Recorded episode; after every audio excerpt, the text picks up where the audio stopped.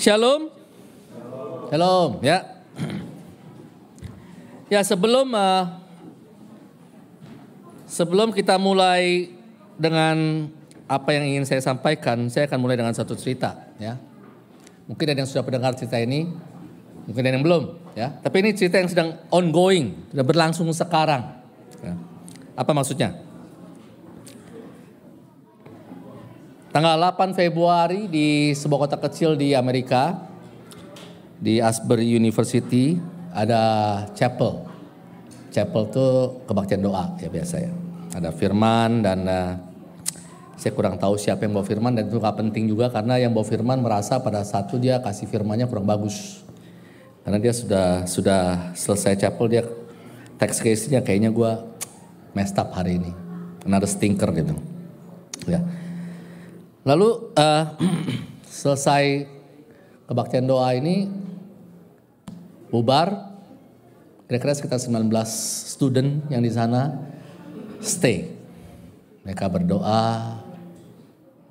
Dan mereka kayaknya ada sesuatu yang menggerakkan mereka untuk gak keluar dari ruangan itu. Mereka tetap berdoa dan mulai menyanyi.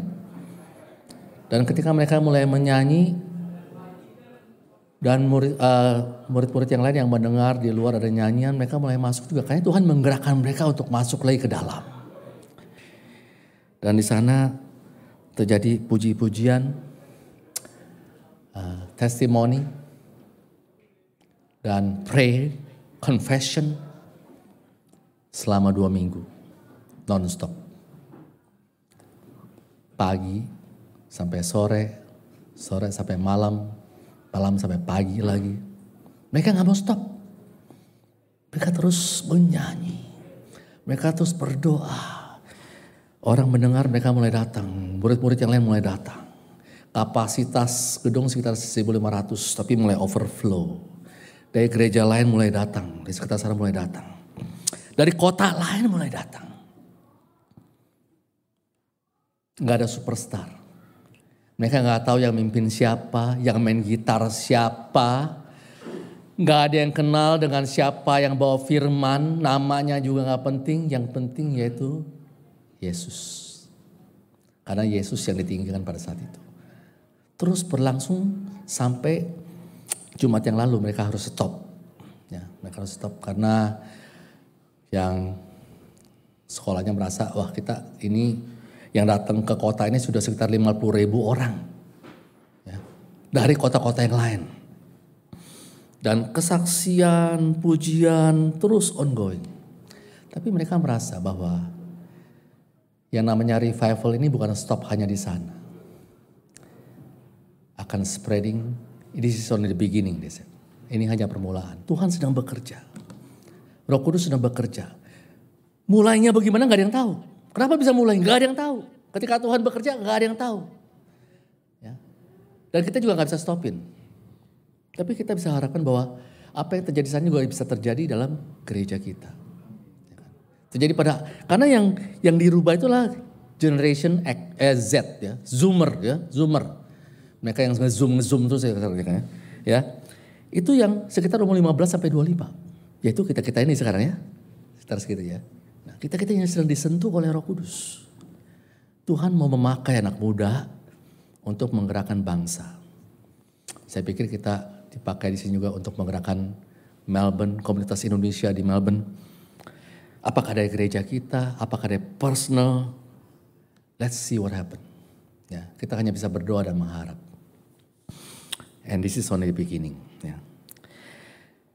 Dan itu uh, kisah yang sedang ongoing. Kalau mau cek silakan dia di YouTube. Uh, sekarang udah gak ada live-nya lagi, teman.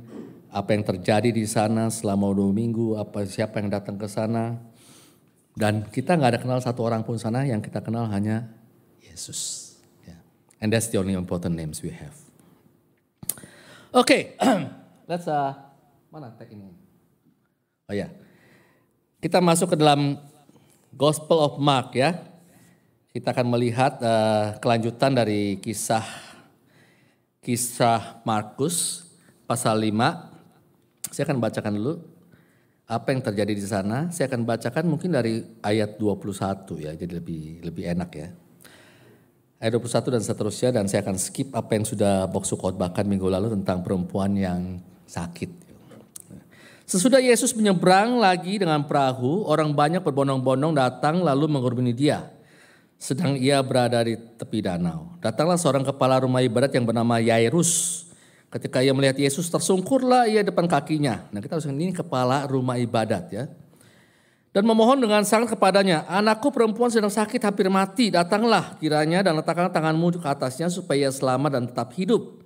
Lalu pergilah Yesus dengan orang itu, orang banyak berbondong-bondong mengikuti dia dan berdesak-desakan di dekatnya. Nah ayat selanjutnya itu mengenai kisah yang kita minggu lalu bahas, yang dibahas oleh musuh yaitu perempuan yang sakit.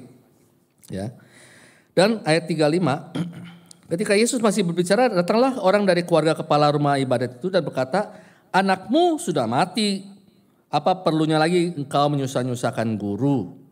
Tapi Yesus sedang menghiraukan perkataan mereka dan berkata kepada rumah kepala rumah ibadat, jangan takut, percaya saja. Lalu Yesus tidak memperbolehkan seorang pun ikut serta kecuali Petrus, Yakobus dan Yohanes, saudara Yakobus. Mereka tiba di rumah kepala rumah ibadat dan di sana dilihatnya Orang-orang ribut, menangis dan meratap dengan suara nyaring. Sesudah ia masuk, ia berkata pada orang itu, mengapa kamu ribut dan menangis? Anak ini tidak mati tapi tidur. Tapi mereka menertawakan dia, lalu, maka diusirnya semua orang itu, lalu dibawanya ayah dan ibu anak itu, dan mereka yang bersama-sama dengan dia masuk ke kamar anak itu. Lalu dipegangnya tangan anak itu, katanya, talitakum. Yang berarti, hai anak, aku berkata kepadamu, bangunlah. Seketika itu juga anak itu bangkit berdiri dan berjalan sebab umurnya sudah 12 tahun. Semua orang yang hadir sangat takjub dengan sangat ia berpesan kepada mereka supaya mereka supaya jangan seorang pun mengetahui hal itu lalu ia menyuruh mereka memberi anak itu makan. Ya. Eh, ketika Yesus datang ke dunia ini, kita harus lihat dalam konteks bahwa dia punya otoritas. Hari ini kita bicara otoritas atas kematian. Ya kan? Bahwa nggak ada sesuatu pun yang di luar dari otoritas Yesus. Ya. Jadi kita mesti lihat dia, He's the Lord of Death. Ya. Ketika saya merit dengan istri saya, istri saya ada sini Ada ya. Kemarin dia bilang mau bicara soal kematian dia nggak mau datang kebaktian lah, dia mau mungkin ngajar sekolah minggu aja dia takut sama kematian. Ya. Jadi ketika saya merit dengan dia, dia masih muda tuh umur umur umur uh, Berapa ya Mer? 18 ya kalau nggak salah. 18. Siapa yang lebih dari 14 ini? Yang belum merit? Oh semua belum merit tuh belum 18 ya. Istri saya 18 dan sudah merit. Ya. Dia merit muda. Ada suatu rahasia dia nggak kasih tahu saya. Ya. Dia orang yang takut mati. Takut mati, sangat takut mati. Ya. Tapi dia suatu rahasia saya. Saya juga takut mati. Ya. Ya. Jadi sama-sama takut mati ya, ya nggak apa-apa ya. Nah, jadi kita akan bicara soal kematian pada hari ini. Bahwa Tuhan adalah berkuasa atas kematian. Nah, tapi sebelumnya saya ingin bicara dulu bahwa ketika Yesus datang ke sini sebenarnya dia itu ingin mengubah paradigma kita. Tentang realitas kehidupan dalam kerajaan Allah. Nah, maksudnya apa paradigma? Coba mungkin next slide kita lihat. Paradigma adalah a system of belief, ideas, values, and habits that is a way of thinking about the real world. Ya, sebuah sistem kepercayaan, ide, nilai, dan kebiasaan yang menjadi suatu cara berpikir tentang dunia ini. Wah kayaknya kok rumit ya paradigma ini. Apa maksudnya paradigma? Kita kasih contoh. Ya kan? Nah, contoh paradigma. Mungkin kita sudah pernah lihat kabar ini. Sudah sering lihat kabar ini? Ya? Saya pribadi nggak gitu pengalaman soal gajah. Ya kan? Tapi rupanya ini umum ya. Kalau kita ke tempat orang yang piara gajah misalnya di Lampung ada namanya apa namanya? Tempat gajah itu ya. Kok lupa saya. Apa mer? Hah? Kambas. Oh, dia lebih ahli soal gajah daripada saya. Ya. Jadi gajah gede itu dipakai rantai lalu ditaruh di stek yang kecil. Ya, steknya kecil, kita steknya kecil ya. Nah, kita tahu gajah besar begini nih, gajah binatang paling kuat kalau untuk online. Ya kan. Paling besar dan paling kuat. Nah, kalau dia mau sekali gerak aja lepas tuh. Tapi kenapa dia nggak mau lepasin? Kenapa dia nggak pernah berusaha untuk melepaskan diri? Ada yang tahu? Nggak apa-apa, kita open session sini. Elangga kayaknya udah udah nggak tahan mau bicara. Nih. Ayo siapa yang tahu? Ayo, nggak apa-apa. Ada yang ngerti nggak? Hah? Ada yang pernah lihat gajah? Oke gini, ya. Karena, karena, karena waktu dia kecil, masih dia tenaganya belum kuat, dia sudah dirantai dengan hal yang sama. Nah karena dia kecil dia nggak kuat. Ketika dia berontak, berontak, berontak, berontak, berontak, berontak, nggak pernah lepas. Sampai suatu hari dia sadar bahwa dia nggak bakal bisa melepaskan diri dari rantai ini. Ya. Terbentuklah suatu paradigma di pikiran dia. Hey, I can never be free from this chain. Nah, ketika paradigma sudah terbentuk, nah gajah merupakan rupanya so, so, uh, seekor binatang yang paling kuat paradigmanya. Kalau dia terbentuk paradigma dia nggak berubah, nggak bilang oh besok gue mikir yang lain lagi enggak. Sudah terbentuk dia terbentuk terus ya. Jadi santai yang yang pada gajah ketika dia sudah terlatih, ketika dia mau sebesar apa pun tinggal kasih rantai yang sama, kasih stek yang kecil dia nggak ke mana-mana, diem aja. Ya kan? Dia tahu udah nggak percuma usaha dia. Ya kan? Nah jadi kita lihat ini paradigma yang sudah terbentuk dalam gajah. Nah ini juga paradigma yang kita semua hidup dengan paradigma. Ya, ya. Nah jadi tapi suatu kali gajah ini berontak dan kabur. Tahu nggak kenapa alasannya? Ada yang tahu? Ayo, nggak ada yang tahu. Wah ini percuma masuk uni, percuma nih. Soal gajah aja nggak tahu. Ya. Karena gajah ini terserang penyakit gila. Suatu gila dia lupa paradigmanya. Karena dia lupa dia berontak kabur. Terbentuklah paradigma yang lama itu bisa dibongkar sama dia. Nah masalahnya ialah apakah kita harus gila dulu baru bisa berubah paradigma? Hah? Ya. Kita semua sudah punya suatu paradigma. Nah ketika Yesus datang dia ingin mengubah paradigma kita. Dia ingin kasih tahu, hei kamu ini hidup di dunia. Kamu terbentuk dengan paradigma di dunia ini. Nah, Yesus datang ketika dia bersama muridnya, dia sudah bicara ketika ada angin topan, dia kasih penyuaran. Tuhan punya otoritas, dia punya otoritas atas alam. Dia punya otoritas atas setan. Dia punya otoritas atas penyakit. Semua yang kita takuti, Tuhan punya otoritas di atasnya. Nah, kita hidup dengan paradigma yang terkungkung karena kita sudah terbentuk dari kecil bahwa kita ini nggak berkuasa atasnya. Ya. Dan Yesus datang kasih tahu suatu paradigma yang baru. Kalau kita pernah ikut suka lihat film ya kan, ada film Indonesia yang ngeri-ngeri sedap tau gak ngeri sedap? Ada pernah nonton ngeri-ngeri sedap? Gak pernah nonton? Wah ini nasionalisme apa kamu ini? Hah? Nggak, nggak hormat sama film Indonesia ya. Ada di Netflix kok Karena istriku yang ngajak aku lihat di Netflix. Ya. Dia tentang orang Batak. Orang Batak tuh punya kultur kuat kali ya. Orang Batak. Satu, mungkin lebih kode Chinese malahan kalau saya rasa. Mereka punya kultur tuh begitu kuat sehingga tokoh utama ini harus belajar paradigma yang baru keluar dari adat istiadat Batak dia untuk bisa merangkul kembali keluarganya. Ya. Ngeri-ngeri sedap. Kalau belum nonton silakan nonton. Di Netflix gratis. Bayar Netflixnya aja penting. Ya. Atau kita pernah nonton mungkin film yang film yang favorit saya, Matrix. Ada yang pernah nonton Matrix? Tahun 99, Matrix yang pertama. Oh, pada belum lahir semua makanya nggak tahu ya. Generasinya beda, ini generasi Z ya kan, Zoom. Saya generasi apa nih? Apa? Uh, Stefanus paling tahu soal generasi. Generasi apa saya ini? Hah? Boomer ya? Boomer kan? Boomer ya? Oh iya. Terlalu banyak generasi. Abis Z apa tau gak? Generasi apa? Alf, uh siapa itu? Hebat ya Alfa nih. Herli ya? Oh, dia paling tahu soal sekolah minggu ya, mantap. Oke, jadi paradigma shift. Kita mau uh, next slide ya. Kita mau ada paradigm shift. Kita mau paradigma kita berubah. Ini paling penting. Kalau kita mau ke gereja, kita dengar dengar khotbah setiap minggu, tapi paradigma kita nggak pernah berubah. Kayaknya kita nggak ada pertumbuhan apa-apa. Kita di sini kita mau supaya apa yang kita kita bicarakan sini mengubah paradigma kita. Kita sudah ting semua punya paradigma, ya kan? Ada yang tinggal dalam kultur Chinese, kita tinggal wah kita baik Chinese, kita kultur Chinese. Ada yang kultur Jawa, saya uh, Jawa ya kan. Ada yang Batak, Batak ya kan. Jadi kita punya paradigma enggak semuanya jelek. Ya kan? Enggak semuanya, ada yang bagus, ada yang ada yang ada enggak ada enggak bilang jelek atau bagus, netral aja ya kan. Tapi ada juga yang kurang bagus. Nah, ketika Yesus datang, dia membawakan firman tentang kerajaan Tuhan, kerajaan Allah. Kerajaan Allah seperti ini, seperti ini. Dia sedang mengajarkan kita suatu paradigma yang baru tentang kerajaan.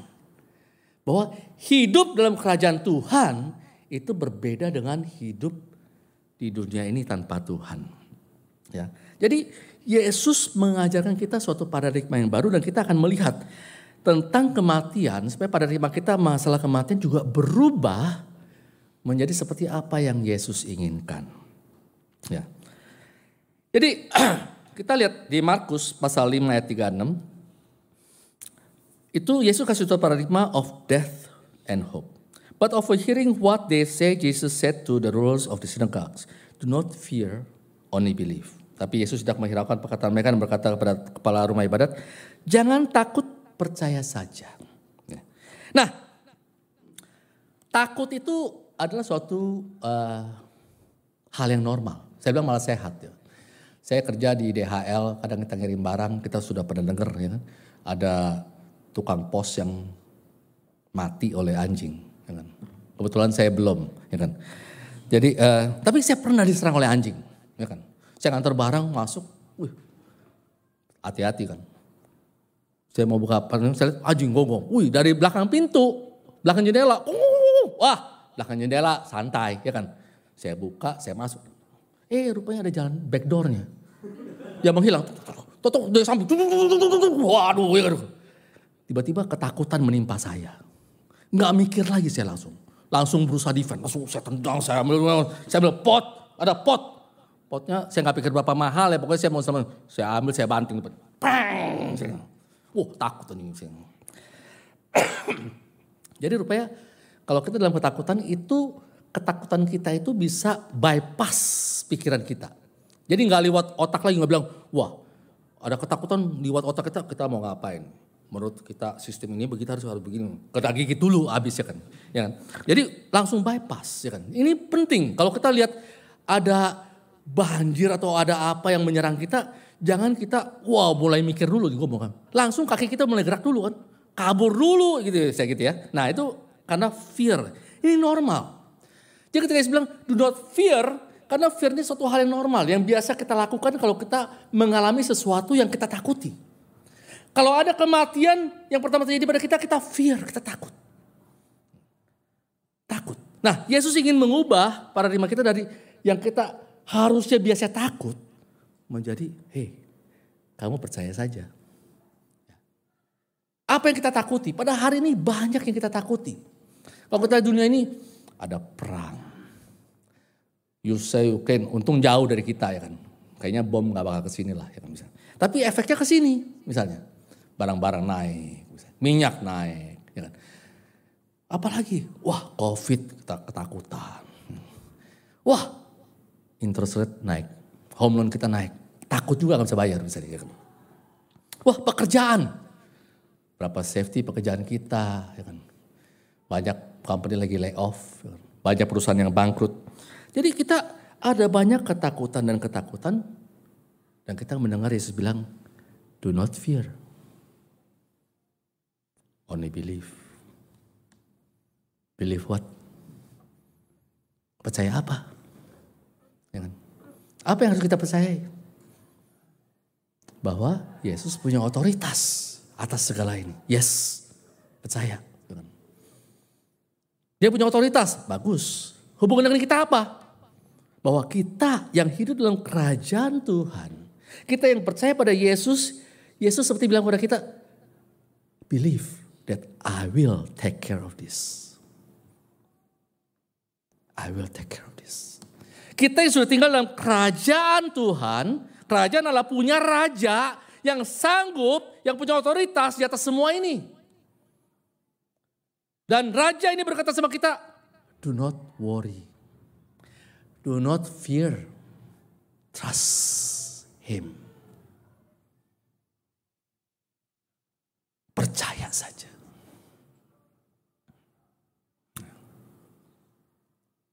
Dan untuk kita yang hidup dalam dunia ini yang penuh dengan ketakutan, ini suatu hal yang sangat menghibur.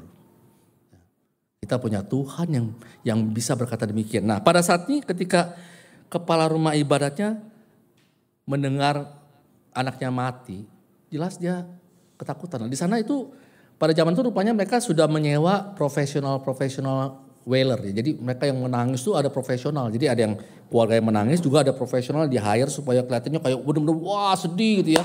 Jadi ketika dengan anak mati langsung yang profesional itu langsung wah. Kalau di Indonesia caima langsung nyanyi cang cang cang cang cang cang cang bisa gitu ya. Ya. Jadi Yesus bilang jangan takut. Mendengar hal seperti ini jangan takut. Percaya saja bahwa Yesus ada di sini. Yesus ada di, samping dia. Bahwa Yesus ada jawabannya. Ya kan? Nah, kita boleh tanya, How? Bagaimana kita bisa belajar? Jangan takut dan percaya saja. Ini suatu hal yang kita belajar, gak bisa otomatis ya. Karena, karena secara, secara insting kita ini orang takut, secara insting kita sudah bond dengan rasa takut. Jadi kalau kita mau percaya itu kita harus mempelajari.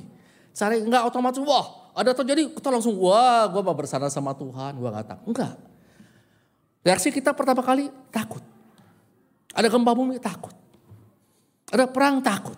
Angin ribut takut. Hujan gede takut. Bunyi mobil polisi takut. Walaupun kita ngapa-ngapain padahal.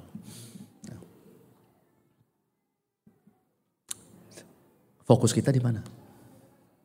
Apakah mata kita, kita mesti belajar memfokuskan pada Yesus. Kita belajar fokus pada melihat pada Yesus. Selama mata kita melihat pada dunia ketika Petrus sedang berjalan di atas air menuju pada Yesus. Selama mata dia kepada Yesus dia bisa berjalan. Tapi selama mata dia mulai menyeleweng ke dunia ini melihat ombak yang besar. Dia mulai ragu-ragu. Bisa nggak gua ini berjalan di atas air.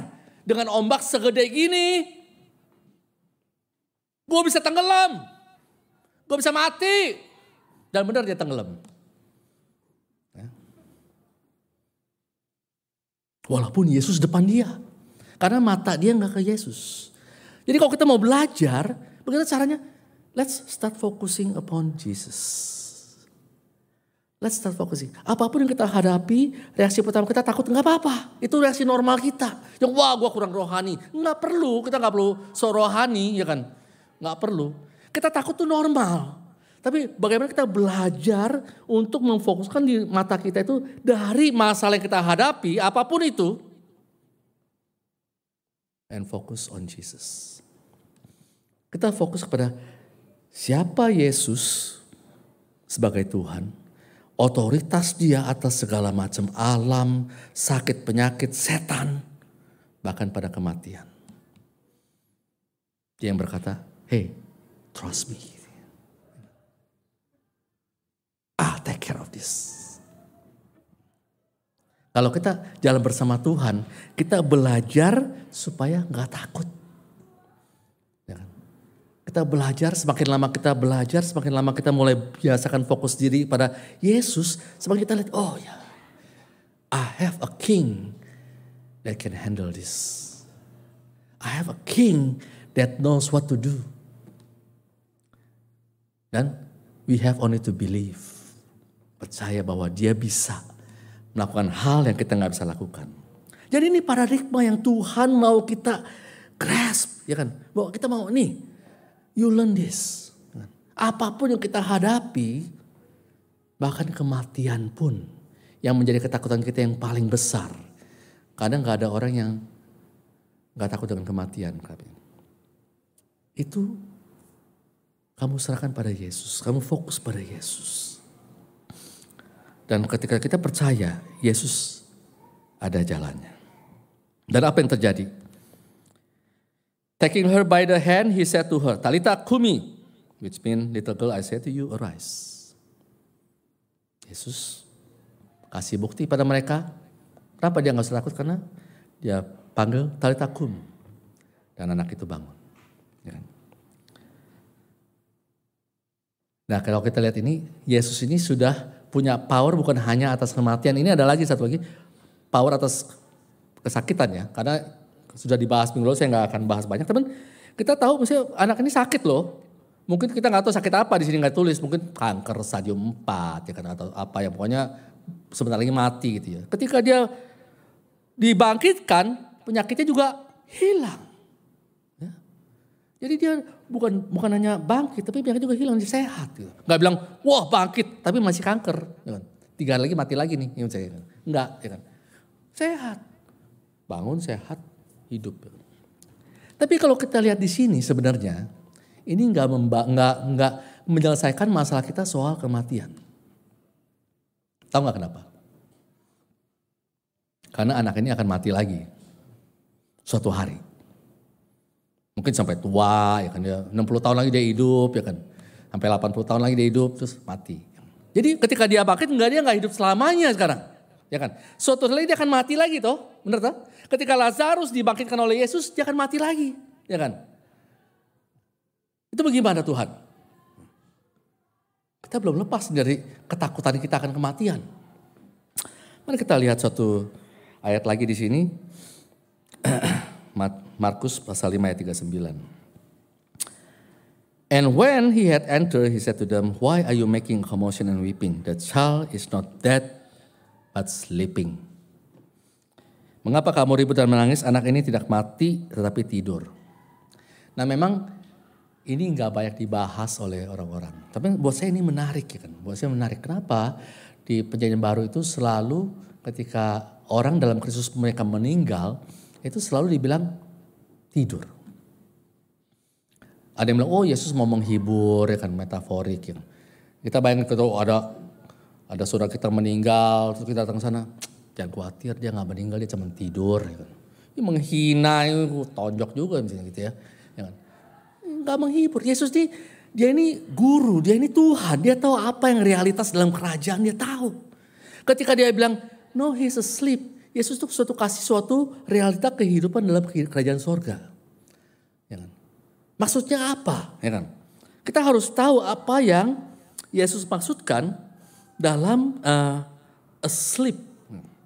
Nah di Paulus juga berkata demikian dalam 1 Tesalonika 4:13. Selanjutnya kamu kami tidak mau saudara-saudara bahwa kamu tidak mengetahui tentang mereka yang asleep, bukannya meninggal sebenarnya kata-kata kata Inggrisnya, asleep. Supaya kamu jangan berduka cita seperti orang-orang lain yang tidak mempunyai pengharapan. Jadi bukannya kita nggak boleh berduka cita, boleh. Tapi duka cita kita jangan seperti orang yang gak punya pengharapan. Karena inilah dunia, kita sudah hidup dalam dunia, kita dibesarkan dalam dunia. Paradigma dunia kita ialah kalau kamu mati, this is the end. This is the end, ya kan? This is bad. Bahkan kita nggak mau bahas. Kenapa? Karena ini the worst. Itu kita upbringing kita begitu. Kita sudah tercipta paradigma kita di sini. Dan kita melihat bahwa berkali-kali bahkan hampir secara konsisten ketika Yesus bicara dan dan murid-murid bicara dalam buku-buku di Alkitab mereka saya bicara dia itu tidur tidur tidur Stefanus ketika ditimbuk batu lalu dia tertidur saudara-saudaramu yang sudah tertidur kamu harus tahu nih ya kan ke mana mereka jangan seperti orang nggak punya pengharapan ya kan ya kita melihat bahwa Uh, dalam kata tertidur itu ada sifat yang temporal. Temporal itu apa? Sementara. Ya kan? Ketika bilang tertidur bahwa ini bukan selamanya dia begini. Waktu saya tidur, nanti malam saya tidur, saya bilang, see you tomorrow. Ya kan? Nggak bilang, saya tidur, nggak usah ketemu lagi ya, goodbye. Bahaya kalau istri saya bilang goodbye itu bahaya. Ya. Mer, I want to sleep, love you. Goodbye, Pi. Nggak mau ketemu lagi. And berarti apa? Kita akan bangun lagi for sure. We will wake up again. Artinya is ada kehidupan sesudah kehidupan ini. This is not the only life we have. Yesus mau kasih tahu kita.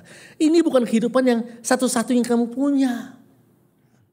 Ada kehidupan yang jauh lebih wonderful lagi. Nah, kita harus belajar sedikit tentang bedanya apa sekarang ketika di firman Tuhan bicara soal kematian? Nah ada tiga macam kematian yang dibicarakan di firman Tuhan.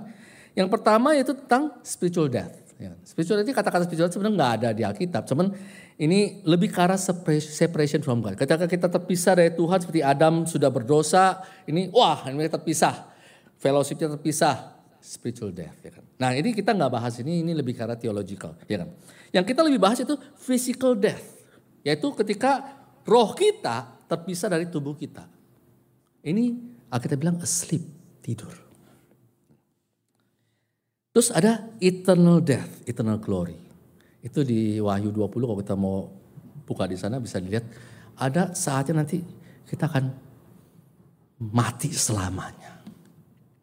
Nah, kalau kita melihat Alkitab, waktu mereka bicara soal physical death ini, ini sepertinya no big deal, bukan ini atau asleep. Ini no big deal. Semua orang akan mengalaminya.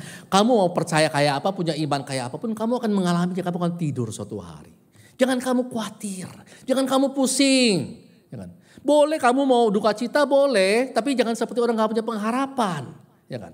Duka cita kenapa? Wah anak saya pergi ke Amerika, pergi ke Australia untuk belajar sana. Saya akan berpisah dengan dia selama lima tahun. Saya sedih. Oke, nggak masalah. Istri saya orang sensitif, nggak apa-apa ya istri saya dia dia suka namanya disebut ya, biar terkenal katanya. Jadi ketika anak saya Calvin mau mau kerja di mana Hamilton Island, mi ada lowongan di Hamilton Island, belum berangkat udah nangis, baru ngomong nangis, langsung sedih. Kenapa? Akan pisah dengan anak yang tercinta. Eh, tapi dia cinta sama tiga-tiga anaknya enggak ini doang ya. ya. Jadi kesedihan tuh nggak masalah. Dan bukan bukan sedih kan, waduh, kok gak bakal ketemu lagi kok, gimana? Nggak gitu ya kan. Sedihnya seperti, oh ya kita nggak bakal berpisah nih sementara nih. Nah, kesedihan seperti itu. Ya kan? Karena dia akan tertidur. Nah spiritual, kalau kita lihat di Alkitab, kalau kita lihat physical death itu selalu disamakan dengan, terutama di penyanyi baru, asleep.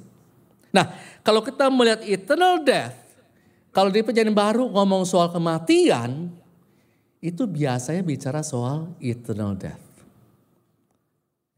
Menyinggung masalah kematian kekal kita di neraka. Atau kita akan hidup selama di sorga. Ya kan? Bisa neraka. Ya kan? Kalau sorga nggak bilang eternal death. Ya kan? Eternal glory. Ya kan? Jadi kalau kita melihat Alkitab, jadi waktu kita bahas misalnya di Rasul Paulus dia bilang di 1 Korintus 15:55. Oh death, where's your sting? Oh death, where's your victory? Misalnya, ya kan? Yang kita nyanyi juga tadi ya. Ini death ini bukannya physical death. Ini death ketika Paulus menyinggung ini, ini kematian kekal yang di neraka. Untuk kita yang gak kenal dengan Kristus, ini yang kita takutin. Kenapa? Karena suatu hari kita akan dihukum di sana. Kalau kita sudah di sana kita gak punya pengharapan, nggak ada second chance. This is the death that has the sting, yang punya stingnya. Ini yang jadi perhatian. Waktu Yesus datang ini juga mereka, oh ini kamu harus perhatikan ini, jangan sampai nanti kamu masuk ke sana. Jadi kita melihat secara konsisten kalau kita pelajarin bahwa death dibicarakan di perjanjian baru, perjanjian lama itu lebih bicara soal tentang kematian selamanya di neraka. Nah ketika Yesus sudah mati dan dia membuktikan bahwa dia Tuhan di atas kematian. Bukan hanya dia bisa membangkitkan anak Zeus ini, tapi dia sendiri bilang dia sudah bangkit dengan tubuh kemuliaan dia bahwa dia sudah menang atas maut dari kematian selamanya sehingga kita yang percaya padanya bisa punya confident yang sama seperti dia. Bahwa dia the firstborn, dia adalah yang pertama. Dan kita ikut jejak dia. Kita ikut jejak dia.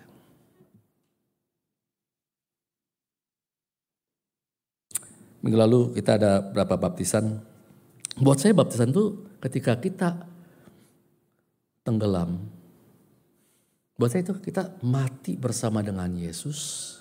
Waktu kita bangkit lagi, kita tuh bangkit bersama dengan Yesus. Kalau kita sudah percaya pada Yesus, kita bangkit bersama Yesus, artinya apa? Kita sudah nggak usah takut lagi dengan kematian kekal ini. Itu yang Yesus mau kasih kita paradigma yang baru. Bahwa, hey, suatu hari siapa pun yang kita lihat di sini akan mati secara fisik. That is asleep. Tapi kita jangan khawatir. We will wake up again. God make sure of that. Dan bukan hanya itu, wake up-nya bukan ke hal yang menakutkan, wake up-nya ke eternal glory. Ke tempat yang luar biasa, wonderful. Jadi ini the start, the start of our eternal life. Ya, the start. Satu Petrus berkata demikian. Satu tiga. Blessed be the God. Terpujilah Allah dan Bapa Tuhan kita Yesus Kristus yang karena rahmat yang besar telah melahirkan kita kembali oleh kebangkitan Yesus Kristus dari antara orang mati. Kepada suatu hidup yang penuh pengharapan. Jadi Yesus ingin kita dari kita ketakutan atas kematian menjadi hidup yang penuh dengan pengharapan. Kenapa? Karena memang hidup ini penuh dengan pengharapan kata Yesus. We have a living hope. Kenapa? Karena Yesus sudah buktikan dengan diri dia sendiri. Anak Zairus ketika mati dia bangkitkan mati lagi. Lazarus ketika mati dibangkitkan mati lagi. Tapi Yesus ketika dia sudah mati di kayu salib, dia bangkit dengan tubuh kemuliaan. Bangkit selamanya. Enggak mati-mati lagi. Itu yang akan menjadi warisan kita. Karena Yesus sudah membuktikan dengan diri dia sendiri ketika dia berkorban di kayu salib. Siapa yang percaya sama dia akan seperti dia. We follow the step of Jesus. Kalau kita nggak percaya pada Yesus, ya kita nggak punya pengharapan seperti itu. Dan kita akan sedih seperti orang yang nggak punya pengharapan. Tapi kalau kita punya pengharapan, for us, If we die, we just asleep. Ya.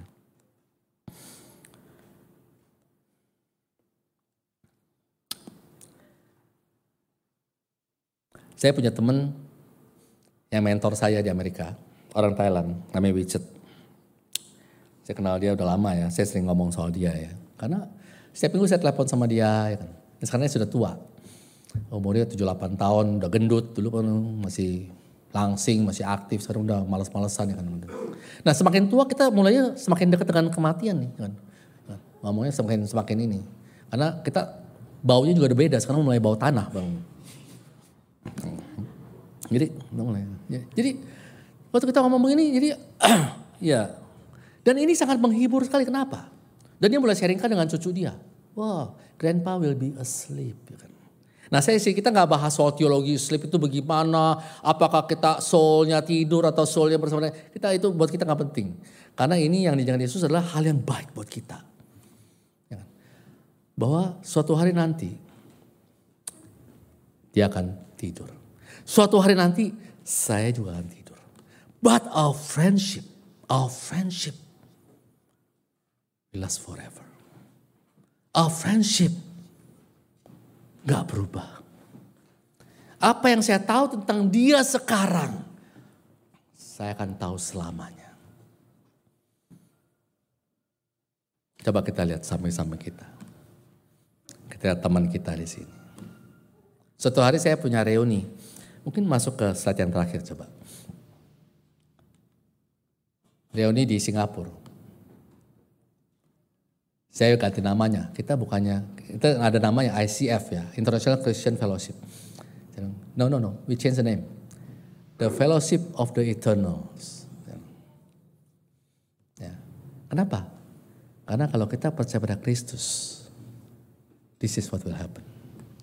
We don't have fellowship only here. Bukan hanya di sini kita fellowship. Ya kan? Kamu lihat samping-samping kita, hey, I will see you forever.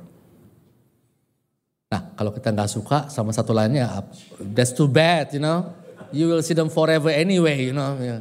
Yeah. But if you love them, if you love them, if you love the people who you are. Hey, this is our hope. This is the living hope that Jesus gave. And He's the Lord, has the power. Let us stand together. As the slide says, yes, we are of Christ, we will all be asleep and wake up in glory.